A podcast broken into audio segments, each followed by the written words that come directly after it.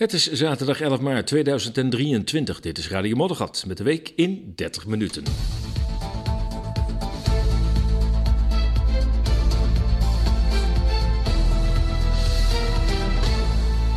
Ja, er is weer een week voorbij. Weer een week met nieuws en daarover dus informatie in de komende 30 minuten. Wat dacht je van Apeldoorn? Vaagheden rond Radiolet. Onhandige verbindingen van Caroline van der Plas van de BBB. Nee, het schijnt niet Building Back Better te betekenen. Oud-kolonel Verenigde Staten zegt: Er klopt niet zo heel veel van wat we over Oekraïne horen. Ouderen zijn niet meer gewenst. Presentator Duits debatprogramma Onder Vuur. En natuurlijk aan het eind van deze uitzending verhalen van de gewone Rus. Maar we gaan eerst naar Apeldoorn. Daar hangen nog steeds uh, bij een paar honderd lantaarnpalen de witte kastjes. Oftewel de multipoints, zoals ze dan officieel heten. Het zijn eigenlijk gewoon kabeldozen aangesloten op de elektriciteit van de lantaarnpalen. Uh, er zouden uh, ook volgens SPI, degene die het heeft aangelegd, niet die het gaat exporteren, zouden er ook antennes al in zitten. Uh, maar de vraag is, zijn die dingen nou aan of, of niet? Dat blijft heel erg onduidelijk. Maar er is nog wat anders. Het blijft toch wel een beetje stil rond dat hele project. Bedoeld als state-of-the-art 5G-technologie lijken de kastjes helemaal geen signaal te geven. De leverancier, Radiolet, is vanaf het begin al onderwerp van speculatie over haar organisatie, haar vestigingsplaats, haar directeur en haar financiers. Aanwijzingen dat de Russische financiers achter het bedrijf schuil gaan, worden door het bedrijf en de gemeente Apeldoorn vooralsnog ontkend. Onderzoek is onderweg. Maar wat weten we momenteel en wat vermoeden we? Nou, daarover verschijnt uh, uh, binnenkort op 22 maart een uh, artikel, een exclusief artikel op ezas.nl. Dus voor het eerst dat we vooruitblikken in plaats van terugblikken. Um, ja, er is nogal wat aarzeling geweest om het artikel te plaatsen, want ja, er zit nogal wat explosief materiaal in. En we hebben de gemeente Apeldoorn ook de kans willen geven om daarop te reageren. Ze hebben een reactie afgegeven, de woordvoerder, en gezegd: uh, we zijn met onderzoek bezig. We hadden al eerdere berichten dat er al een onderzoek zou zijn geweest onder de vorige wethouder. Uh, en dat daar de uitkomst van was: er is niks aan de hand. Uh, nothing to see here. Uh, maar goed, uh, al dan niet naar aanleiding van vragen van ESAS, wordt er weer een onderzoek gestart. En eind van deze maand zou dat onderzoek zijn afgerond. Nou, we zijn heel erg uh, benieuwd. Desalniettemin, we hebben een tijd gewacht uh, om met het publiceren. Maar nu hebben we zoiets van, ja, nou, we weten dit nou al uh, een week of zes. En we gaan toch met publicatie beginnen. En ehm, ja, dan, dan horen we wel wat de gemeente daar uiteindelijk van, van vindt.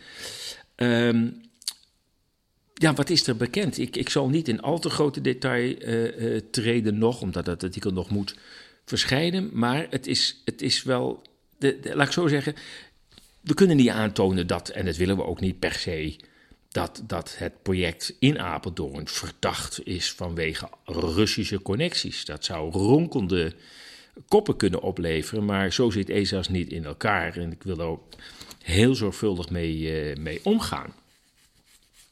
Maar wat wel duidelijk is, is dat, dat ja, bijvoorbeeld het adres waar Radiolet gevestigd is, Uh, ja, nogal is, is veranderd. Het was eerst Oostenrijk, toen werd het Liechtenstein. Dat blijkt ook een vestiging in Zwitserland te hebben. Dat is dan weer gesloten vanwege een mogelijk faillissement. Een eh, enkel adres uh, waar Radiolet uh, zit, ehm, daar zitten nog veel meer bedrijven op dat adres. Zoveel dat je denkt dat kan helemaal niet in dat gebouw. Dat zal wel een brievenbusadres zijn waar Radiolet dus ook op zit. En, uh, en uh, ja, er zitten nog 300 bedrijven van, er een aantal, aantal in de Panama Papers uh, voorkomt. Nou, dan moet je toch wat gaan opletten. Bovendien zijn er wat crossovers wat directies betreft. En dat hoeft niet meteen een probleem op te leveren, maar ja, Radiolet wordt aangestuurd vanuit een speciaal investmentbureau. Uh, Lighthouse. Uh, maar daar zitten directeuren in die ook weer in andere financiële instellingen zitten. in een Russisch-Oekraïnse bank.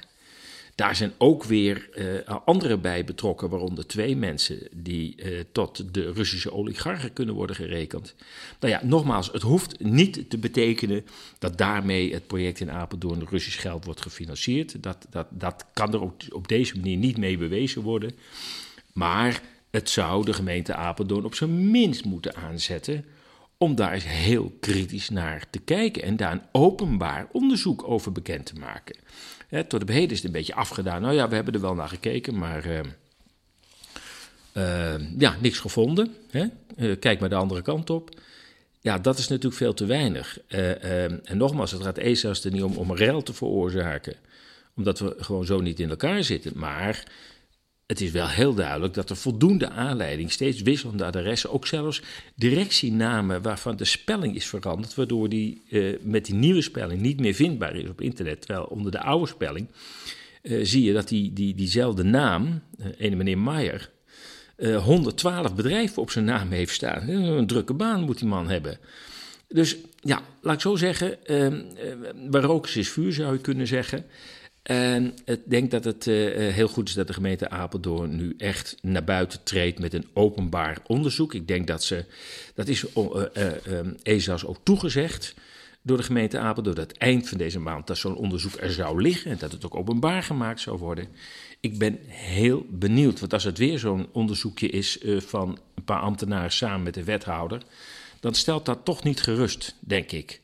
Dus ik denk dat Apeldoorn toch wel wat heeft uit te zoeken. Bovendien, Radiolet is een klein bedrijf. Uh, uh, nou ja, via LinkedIn kun je zien dat het nou ja, een jaar geleden zes uh, medewerkers had. En het krijgt dan uiteindelijk een, een, een, stad als Apeldoorn als, als klant. Dat is natuurlijk wel heel bijzonder. Daarnaast is het zo dat veel luisteraars van Radio Mordegat dan gaat er altijd een beetje een rood lampje branden, denk ik, als ik de naam noem van het World Economic Forum. Maar Apeldoorn wordt ook genoemd als, uh, als Smart City. Uh, een van de dertig, uh, geloof ik. Nou, heeft dat veel te betekenen? Ja, nogmaals, ik weet het niet. Ik weet niet of er contracten getekend zijn tussen de WEF en, en, en Apeldoorn. Dat, dat, dat, geen idee. Um, maar ja, waarom staat Apeldoorn er dan bij? Hè, tussen een aantal andere gerenommeerde uh, uh, steden. Daarnaast is de wethouder van Apeldoorn, een van de wethouders, is ook weer voorzitter van uh, 40 Nederlandse middelgrote steden die allemaal Smart City willen worden. Er zijn er een aantal steden al afgehaakt, Amersfoort geloof ik, en Wageningen die toch niet zo heel erg smart wil worden. Ehm, maar goed, Apeldoorn heeft toch een bepaalde rol, ehm, ook in, in zeg maar, de Smart City ontwikkeling in Nederland. En daarom is het zo belangrijk dat Apeldoorn gewoon volkomen helder is over met wie zij zaken doet. Het gekke is overigens ook in deze hele situatie, en dat maakt dat de gemeente ja, ook niet direct wat verwijtbaar is. De Rijksoverheid heeft, heeft bepaald dat, uh, dat elk bedrijf dat uh, op het gebied van 5G-technologie, smart city, projecten aanbiedt aan gemeenten, dat gemeenten hun infrastructuur beschikbaar moeten stellen. En dat, nou ja, in dit geval zijn dat in Apeldoorn de lantaarnpalen. Dat zijn ook vaak de plekken waar de kleine antennes worden opgehangen. En dat strikt genomen Apeldoorn het ook niet eens zou kunnen weigeren. Ik wil niet zeggen dat als Apeldoorn gewoon politiek zijn poot stijf houdt, eh, dat je, eh, ja, dat je toch nog wel wat voor elkaar kunt krijgen. Maar het, is, het zit natuurlijk heel raar in elkaar. En het, ik denk dat, dat het op Europees niveau al lang is afgetikt. En dan gaat het direct. Uh, nou ja, we hebben een kabinet dat een, soort, soort bijwagen is van, de, van Brussel. En gewoon al die aanwijzingen, regels, reglementen ook uitvoert. En in regeling van Rijksoverheid heeft gesteld. De gemeenten moeten er gewoon aan meewerken. Klaar, punt uit. Dus Apeldoorn heeft denk ik binnen die context uh, gewoon gezegd... oh, u bent radiolet en u wilt het hier. Nou ja, uh, oké, ja, dit zijn de lantaarnpalen. We schrijven daar nog even wat over op. En ja, gaat uw gang verder. nou, verder moet het voldoen natuurlijk aan landelijke normen. Dus het gaat om straling en dat soort zaken. Nou, dat is natuurlijk ook nog een onderwerp apart, die de straling. Um, maar de Apeldoorn verwijst dan gewoon naar landelijke richtlijnen. Maar blijft zelf een beetje aan de, aan de zijlijn staan... En uh, ja, wellicht ook aangezet doordat het ook niet zo heel veel bevoegdheden heeft om radiolet te weigeren. En te zeggen, nou ja, je komt er gewoon niet in. Want op grond waarvan zou de gemeente dat dan moeten zeggen? Uh, met andere woorden, die hele smart city die wordt ons echt door de strot gedrukt. En ik denk dat die kracht uit Brussel komt. Via Den Haag gewoon naar de gemeentes wordt doorgekabeld van hou er rekening mee, je moet gewoon meedoen. Um, en dan krijg je dit soort rare fratsen. Want dat betekent dat eigenlijk niemand het bedrijf dat bijvoorbeeld met Apeldoorn contact opneemt en zegt: Hallo, hier zijn we en uh, we willen bij jullie die dingen wel op gaan hangen. Uh, dat, dat, dat ergens er een instantie is die ook naar het bedrijf zelf kijkt. Zo van: wat halen we in godsnaam in huis? Die toets is eigenlijk nergens geweest. Voor zover ik weet. Dus nou, het, het wordt tijd dat dat, dat gat dat uh, eigenlijk is ontstaan uh, op het gebied van nou ja, opdrachtgeverschap van een gemeente, dat eigenlijk helemaal wordt overroeld, uh, dat dat weer terugkomt en dat de gemeente wel degelijk een C krijgt in willen we dit, A, B, kunnen we dit bedrijf weigeren. Als ik zo hoor dat ook Amersfoort en, en Wageningen inmiddels tot, tegen een aantal smart city aspecten, ik weet niet of ze de hele concept hebben afgewezen, nee heeft gezegd, geeft het aan dat de gemeente wel degelijk iets, iets kan. Dat Apeldoorn, misschien ook vanwege zijn voorzittersrol in die landelijke Smart City projecten, ja, een beetje het gevoel heeft, we zijn de voortrekker, dus uh, we moeten ook niet uh, moeilijk lopen doen hier in Apeldoorn. Maar ik ben bang dat als er toch verkeerde dingen uit het onderzoek komen, en die links tussen, nou ja, Radiolet via een, een, paar stappen toch bij Russische financiers uitkomt. Dat Apeldoorn wel degelijk een probleem heeft. En ik denk dat, dat het dan niet zal helpen om te zeggen: ja, wij werden verplicht door het Rijk. Ik denk dat het Rijk dan ook weer terug gaat verwijzen naar Apeldoorn. Enfin, we moeten het zien. Eind van de maand weten we meer. 22 februari of 22 maart komt dit artikel op ezas.nl. Wat vervolgt staan overigens heel veel artikelen over dit onderwerp op esas.nl. Dus als je wil inlezen, um, duik er even in. We gaan naar Caroline, Caroline, ik zeg gewoon Caroline, maar dat mag, je mag wel zeggen Lientje, maar het is Caroline van de Plas van uh, Boer-Burger-beweging. Sommigen zeggen ook Building Back Better. Um, ja, ja, kan. Volgens mij was de BBB als partij eerder opgericht dan het woord, het woord Billy Back Better werd geïntroduceerd. Maar goed, dat terzijde. Ja, via mail en social media circuleren er op dit moment uh, berichten over verbindingen van de BBB-aanvoerder Caroline van der Plas en het reclamebureau Remarkable. Dit bureau geeft aan Bayer, geeft aan Bayer als klant te hebben. Bayer is een Duits bedrijf, heeft een zeer zwarte geschiedenis in de Tweede Wereldoorlog. Was leverancier van Cyclon B, weliswaar onder andere naam. Maar uh, ik denk ook dat, uh, dat haar zusterorganisaties destijds ook uh, verantwoordelijk zijn geweest voor de medische experimenten in de diverse concentratiekampen. Dus het is geen fris bedrijf. Um, en dan, dan koopt het een ander niet zo fris bedrijf. Dat is Monsanto, Amerikaans bedrijf. ik zou haar zeggen, een gevreesde Amerikaanse multinational. die grote belangen heeft inmiddels op de landbouwgronden van Oekraïne. Naast BlackRock en nog een aantal andere Amerikaanse organisaties uh, wordt er op dit moment flink gegraaid uh, in de landbouwgebieden van Oekraïne. Ja, zal iets met oorlog te maken eh, hebben. En die willen daar genetisch gemanipuleerd materiaal op gaan kweken. Iets wat in de rest van Europa vooralsnog niet mag. Maar ik, ik hoor al dat de wetgeving in Europa soepeler gaat worden en dat we het in ieder geval mogen importeren. Net zo goed als het nu weer met de plofkippen gaat dat de boeren in Nederland um, op kosten zijn gejaagd. Uh, omdat ze allemaal van die uitrenkippen hebben die uh, over fitnesshekjes moeten springen de hele dag. En vervolgens komen nu de plofkippen gewoon weer uit Oekraïne binnen. Dat mag allemaal. Nou, uh, heel bizar. Ook dit aspect komen we nog een keer op terug. Hoe dat, er, dat met voedsel er nog het nodig aan de hand is. en dat een, ik denk dat het ook een onderdeel is van de oorlog in Oekraïne. Goed, hoe dan ook, uh, Van der Plas is dat nou een, daarmee een agent, hè, dat ze een relatie heeft met Remarkable. Sterker nog, daar komt een beetje het initiatief vandaan voor uh, deze beweging, heeft ook de marketing uh, gedaan. Um, is het dus een agent van, van, van zeg maar, de grote agrarische multinationals? Of is de boer-burgerbeweging eigenlijk gewoon niet zo erg handig geweest in hoe ze met de communicatie omging. Want het is natuurlijk een snel groeiende partij. En uh, ja, die, die is nu dus een beetje in die picture gekomen vanwege die relaties. Uh, en ja, er wordt gesteld in, in die circulerende berichten, die ik gewoon via uh, in een Word-documentje toegestuurd heb gekregen, maar ook online op social media te vinden is. Ja, wordt gesteld dat Monsanto dus een van de klanten is. zij heeft meer dan 300 fruit- en groentesoorten gepatenteerd. Nou, dat geeft ook al aan wat het bedrijf precies doet. Die patenteert dus groenten. En dat betekent dat als jij die groenten gaat kweken, dat jij dat gewoon niet meer mag. Want het is hun groente. Ze zouden ook al een varken hebben gekweekt uit cel, um, celtherapie, of hoe dat precies heet. En dat varken is dus niet uit een ander varken gekomen. Overigens zijn ze nu ook weer met embryo's bezig. Maar goed, het is weer een ander verhaal. Maar je ziet wel een, een, een trend naar dat de mens voor God gaat spelen en dus nu zelf dieren gaat maken. En uh, ja, in feite is uh, dat dier heeft dus geen dierenrechten. En Bayer zegt dus ja, het is gewoon nu een, uh, een product van Monsanto. Nou, dat bedrijf dus, ook bekend overigens van Roundup, dat smerige goedje waarmee je alles in je tuin dood kunt, kunt krijgen. En als je niet oppast, ga je er zelf ook aan. Als je te veel binnenkrijgt.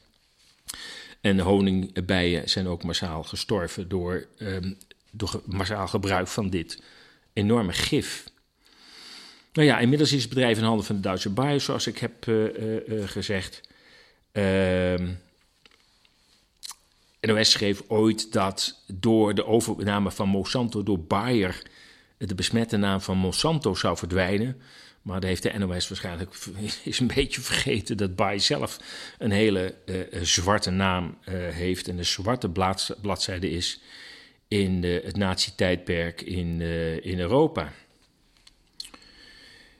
Goed, ja, die relatie met, uh, met Remarkable, dat, dat, dat, dat uh, um, communicatiebureau, want dat is het in feite. dat communicatiebureau zit natuurlijk in de agrarische sector, dat mogen duidelijk zijn. De, een van de directeuren is Henk Vermeer.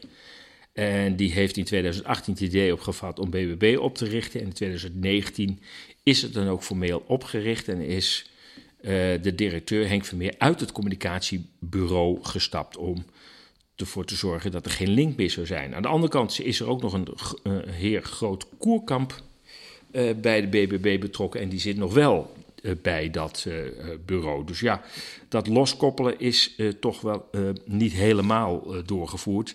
En ook hier zie je, maar goed, dat kan ook klunzigheid zijn kan ik wel drie verschillende adressen vinden van, van BBB. Elke keer weer op een ander adres. De Groningenstraat in Deventer.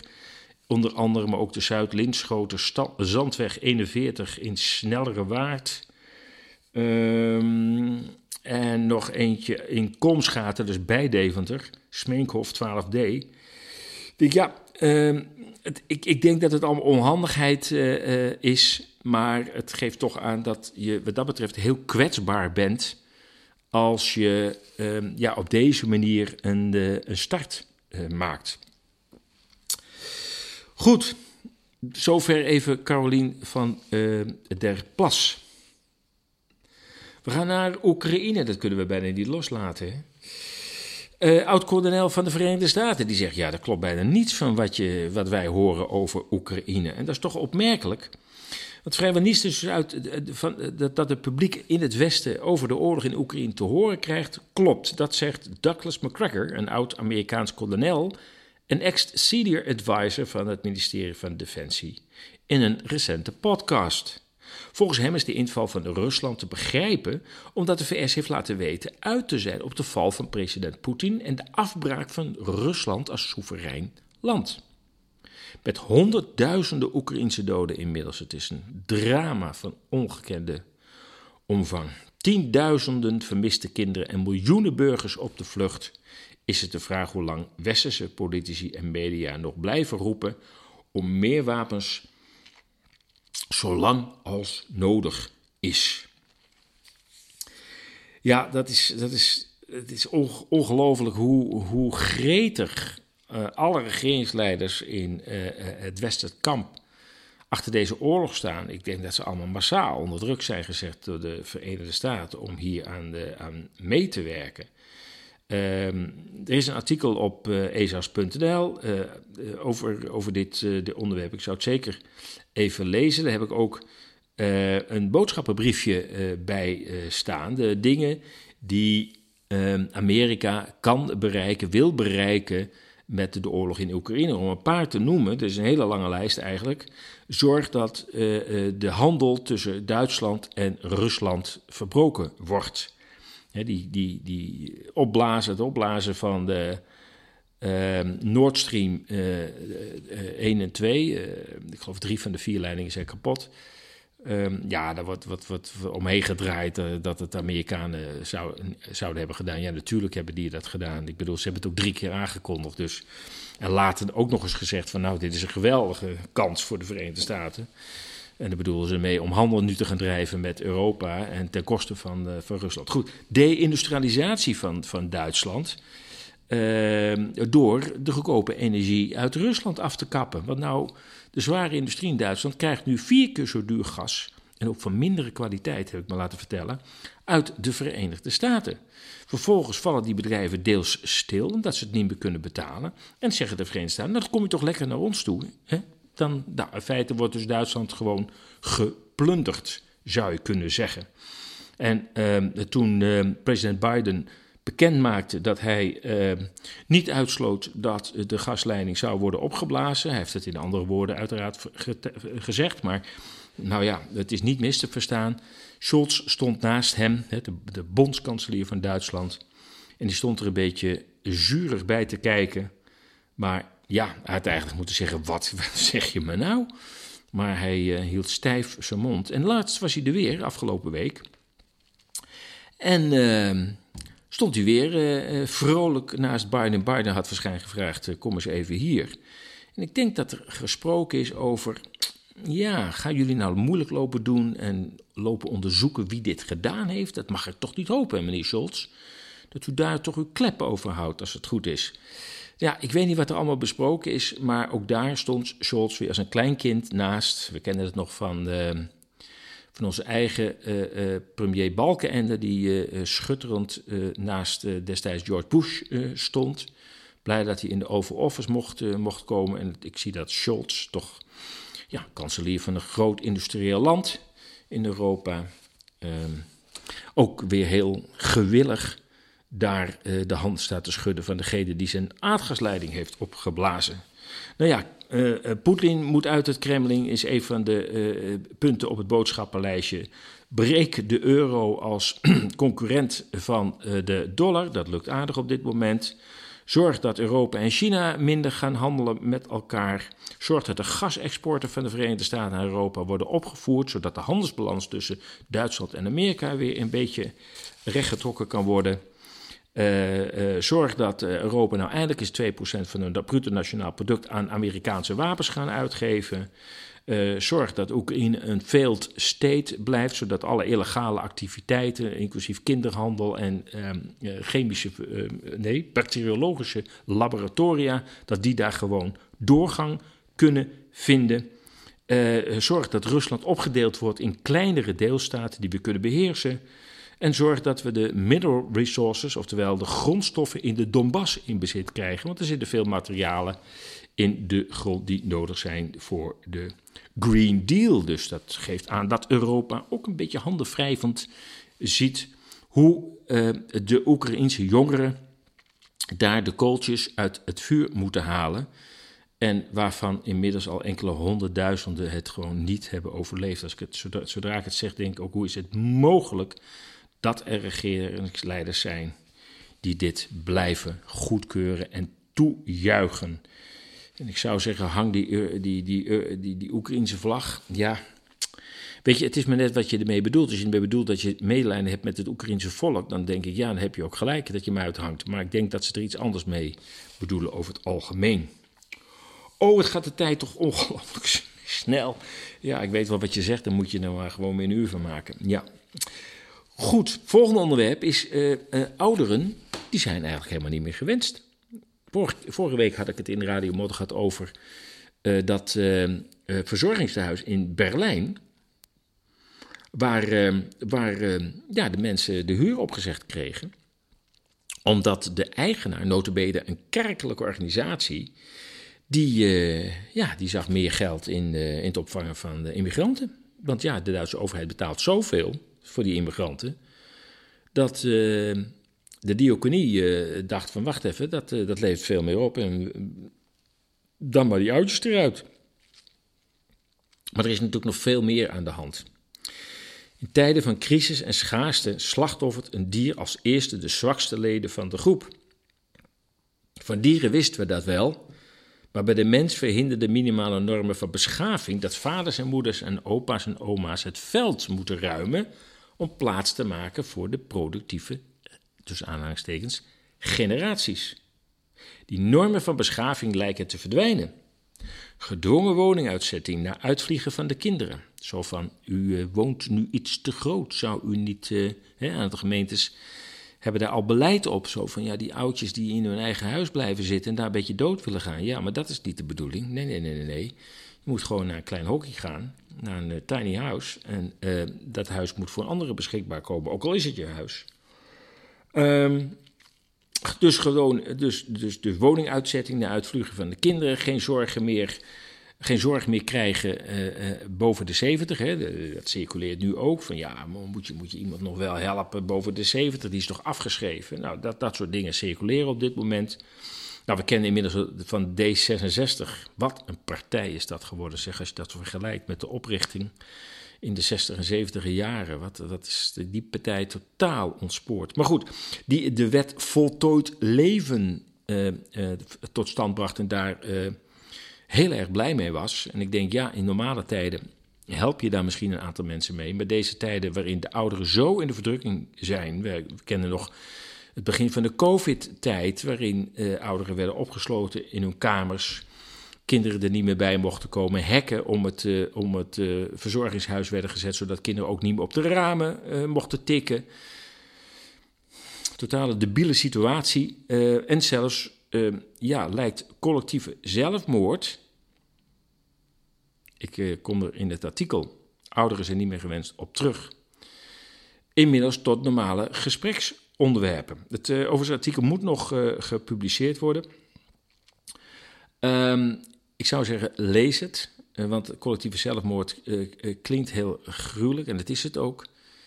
en zelfs dat onderwerp, weliswaar in Japan, maar desalniettemin, het geeft aan dat ja, in de hele westerse wereld, waar ik Japan voor een deel ook toe reken, ja, de ouderen eigenlijk gewoon niet meer meetellen. Het is niet zo, zoals in veel Afrikaanse landen, bij traditionele volkeren de ouderen ook de meest, als de meest wijze, met de meeste ervaring en met het meeste gezag en het grootste respect wordt behandeld. Nee, hier is het precies andersom. Je bent afgeschreven, je werkt niet meer, je vreet alleen onze belastingcenten maar op. Move.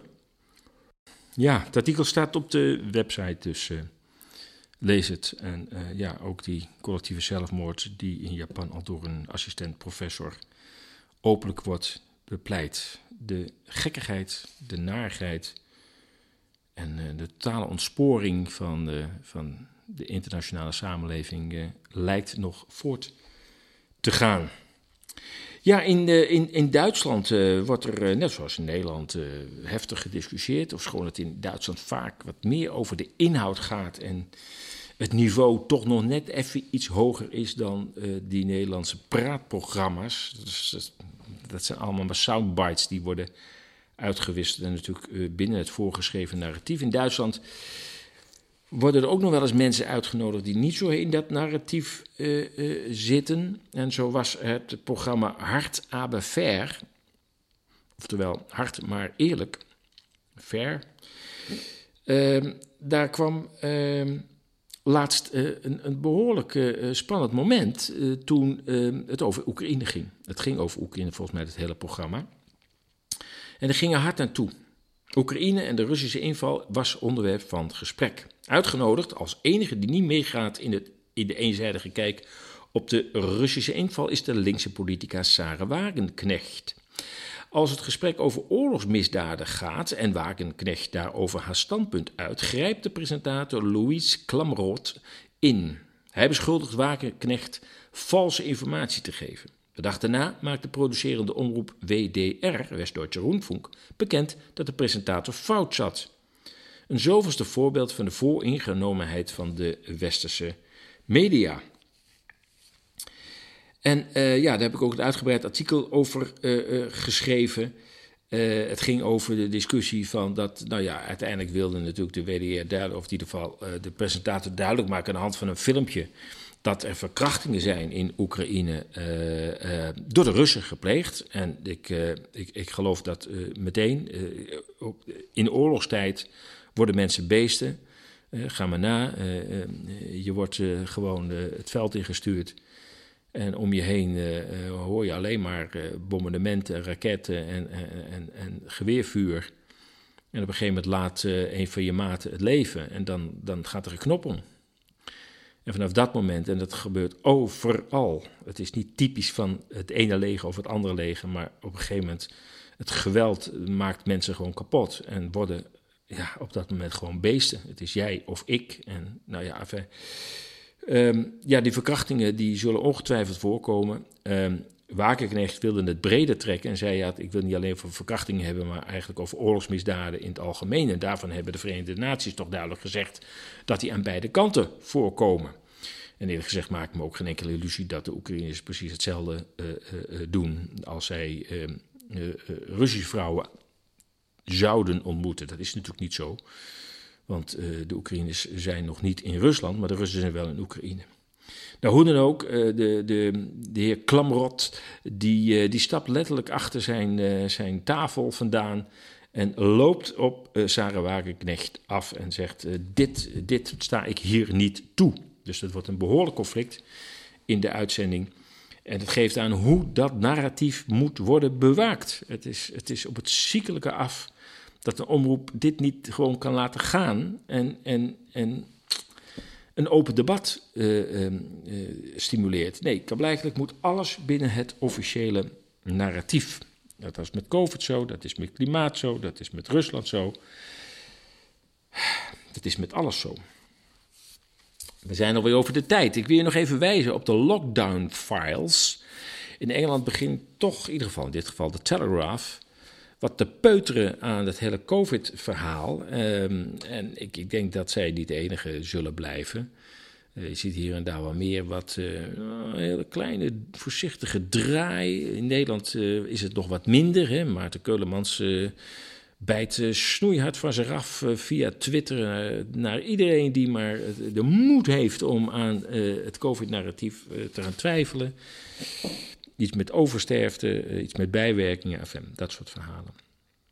Maar uh, de, de Telegraph, ik dacht de Sunday Telegraph zelfs, heeft uh, de lockdown files openbaar gemaakt. En daarin komt naar voren dat wat we als ESA's al over Duitsland zeiden in twee, eind 2020, dat de bondskanselier toen Merkel geadviseerd was om uh, van de vier voorgestelde communicatie- en aanpakscenario's de meest strenge te kiezen. En de meest strenge ging ervan uit dat mensen echt angst moesten worden aangejaagd. Dat was al in Duitsland bekend in eind 2020.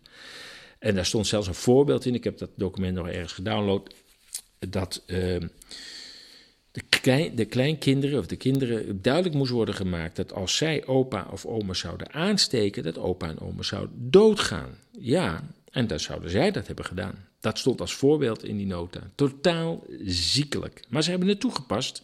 En later kwam dat voorbeeld ook in de Nederlandse communicatie terecht. Zo van, ja, als jij naar opa en oma gaat en uh, ja, jij uh, kucht een beetje en opa valt om, dan uh, ja, heb jij opa doodgemaakt. Zo was het. Nou, Engeland komt nu gewoon via de grote media naar buiten met de zogenaamde lockdown down files. En dan zie je precies hetzelfde in Engeland uh, interne communicatie waarin wordt gezegd van ja, we moeten wel de, de spanning uh, maximaal opvoeren, we moeten de angst erin houden. En zelfs is er een, een, stukje communicatie te lezen van wanneer gaan we de volgende variant introduceren. Ja, als je dat dan leest, dan denk je, ja, we wisten natuurlijk al, althans, ik denk dat in de luisterking van Radio Morgen heel veel mensen al zoiets hebben, ja, is dat dan nieuws? Nou, reken maar dat het voor heel veel Engelsen absoluut nieuws is. En ik vraag me af of, of, of de hersenen dan open gaan. Of dat men toch ja, een soort uh, uh, extra portie cognitieve dissonantie uit de kast halen. Om maar te zeggen: dit kan niet waar zijn dat we zo belazerd zijn. Ja, kan waarschijnlijk wel waar zijn. Goed. Voordat we overgaan naar de verhalen van de gewone Rus, uh, wil ik graag even je aandacht vragen voor uh, ons lidmaatschap.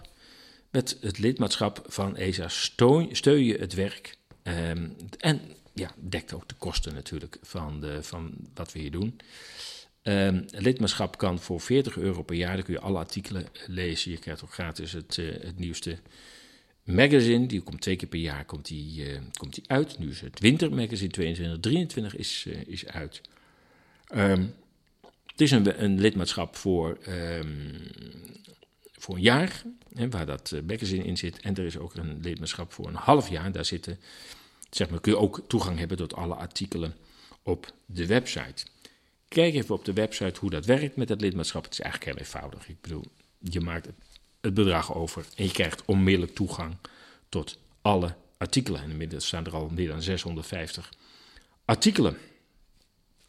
Goed, verhalen van de gewone Rus. Wat weten we nu eigenlijk van Rusland? Als we de media lezen, eigenlijk bitter weinig. Berichten komen niet verder dan het Rusland, Rusland van Poetin. Alsof er verder niemand woont. Kennen we de Rus in de straat eigenlijk? Wat denkt hij of zij? Um, hoe kijkt de gewone Rus terug op de turbulente jaren negentig, waarin het land door een diep dal ging? In een aantal afleveringen lees ik voor uit het indrukwekkende boek Het einde van de rode mens van onderzoeksjournalist Svetlana Alexievich. In 2015 ontving zij voor dit werk de Nobelprijs voor de literatuur. Ja, even kijken waar we precies zijn. Even het boek erbij. Ja, over Stalin. Ik geloofde in alles wat Stalin zei en deed. Ja, hij was de grootste, geniaalste leider aller tijden en alle volkeren. Ik hield me vast aan de domme, reddende gedachte dat Stalin bedrogen werd, dat de verraders aan de top gekomen waren, dat de partij wel orde zou scheppen. Toen werd mijn vrouw gearresteerd. Een oprechte, toegewijde partijstrijdster. Drie dagen later kwam ze bij mij. Ze snuffelde eerst in de kachel of er geen rooklucht hing, of ik iets verbrand had. Ze waren met z'n drieën. Een van hen liep, liep, rond en koos dingen voor zichzelf. Oh, die hebt u niet meer nodig. Hij haalde een klok van de muur. Ik was geschokt, dat had ik niet verwacht. En tegelijk had het iets menselijks en hoopvols, die laagheid. Het betekende dat die mensen toch gevoelens hadden. De huiszoeking duurde ongeveer twee uur, van twee uur s'nachts tot, tot in de morgen. We hadden veel boeken in huis. Die werden stuk voor stuk doorgebladerd. Ze bevoelden kleren, sneden de kussens open. Ik had alle tijd om na te denken. Ik probeerde me dingen te herinneren, koortsachtig. Het was al de tijd van massale arrestaties. Iedere dag werd er iemand opgepakt. Een angstaanwekkende toestand. Een uh, angstwekkende toestand. Als iemand werd opgehaald, zweeg de hele omgeving. Vragen stellen was zinloos. Bij mijn eerste ondervraging kreeg ik het uitgelegd. U bent alleen al schuldig omdat u uw vrouw niet hebt aangegeven, was het antwoord. Maar dat was al in de gevangenis. Thuis groef ik toen door mijn hele geheugen. Ik vond me één ding: de laatste partijvergadering. Toen de lijst gelukwensen voor kameraad Stalin werd voorgelezen, was de hele zaal opgestaan met daverend applaus. Hoera voor kameraad Stalin, de organisator en inspirator van onze overwinningen. Hoera! Hoera voor Stalin. Hoera voor onze leider. Een kwartier, een half uur lang. Iedereen keek elkaar aan, maar niemand ging als eerste zitten. Iedereen bleef staan. Om de een of andere reden ben ik toen gaan zitten. Werktuigelijk eigenlijk. Er verschenen twee mannen in burger. Kameraad, waarom gaat u zitten? Ik was meteen opgesprongen. Alsof ik me gebrand had. Tijdens de pauze had ik steeds om me heen gekeken. Ik rekende erop dat ze me elk moment konden arresteren. Tegen de morgen was de huiszoeking afgelopen. Ik kreeg de opdracht: maak u klaar. Het kindermeisje maakte mijn zoon wakker. Voor mijn vertrek kon ik hem nog toefluisteren. Vertel niemand iets over papa en mama. En zo heeft hij het overleefd. Ja, neem mijn, eh, mijn woorden maar op, zegt hij tegen de interviewster. Zolang ik nog leef. Zolang ik nog leef. Dat schrijf ik ook op wenskaarten. Al heb ik niemand meer om ze aan op te sturen. Ik, kijk, ik krijg vaak de vraag: waarom bleef iedereen zwijgen? Zo was de tijd toen. Ik vond dat verraders schuldig waren. Vijftig jaar later is het gemakkelijk oordelen en grinniken over die oude stomkoppen. In die tijd marcheerde je allemaal samen. Maar nu is er niemand meer. Je luisterde naar de week in 30 minuten. Nou ja, 40 minuten in dit geval van Radio Moddergat van 11 maart 2023. Als je deze uitzending hebt gewaardeerd, overweeg dan een donatie, een lidmaatschap van ESAS, aankoop van ons nieuwe wintermagazine of een van onze dossiers. ESAS kan niet zonder steun van donateurs en leden. Ondersteun ons ook in 2023. Maak ons bereik groter en deel deze podcast van Radio Moddergat op je social kanalen. Je kunt ESA's volgen via onze nieuwsbrief, nieuwsbrieven. We hebben een dagelijkse nieuwsbrief en een wekelijkse nieuwsbrief. RSS, Telegram en Twitter. Kijk voor meer informatie op ezas.nl. Ik wens je een goed weekend. Blijf waakzaam, blijf sterk en tot volgende week.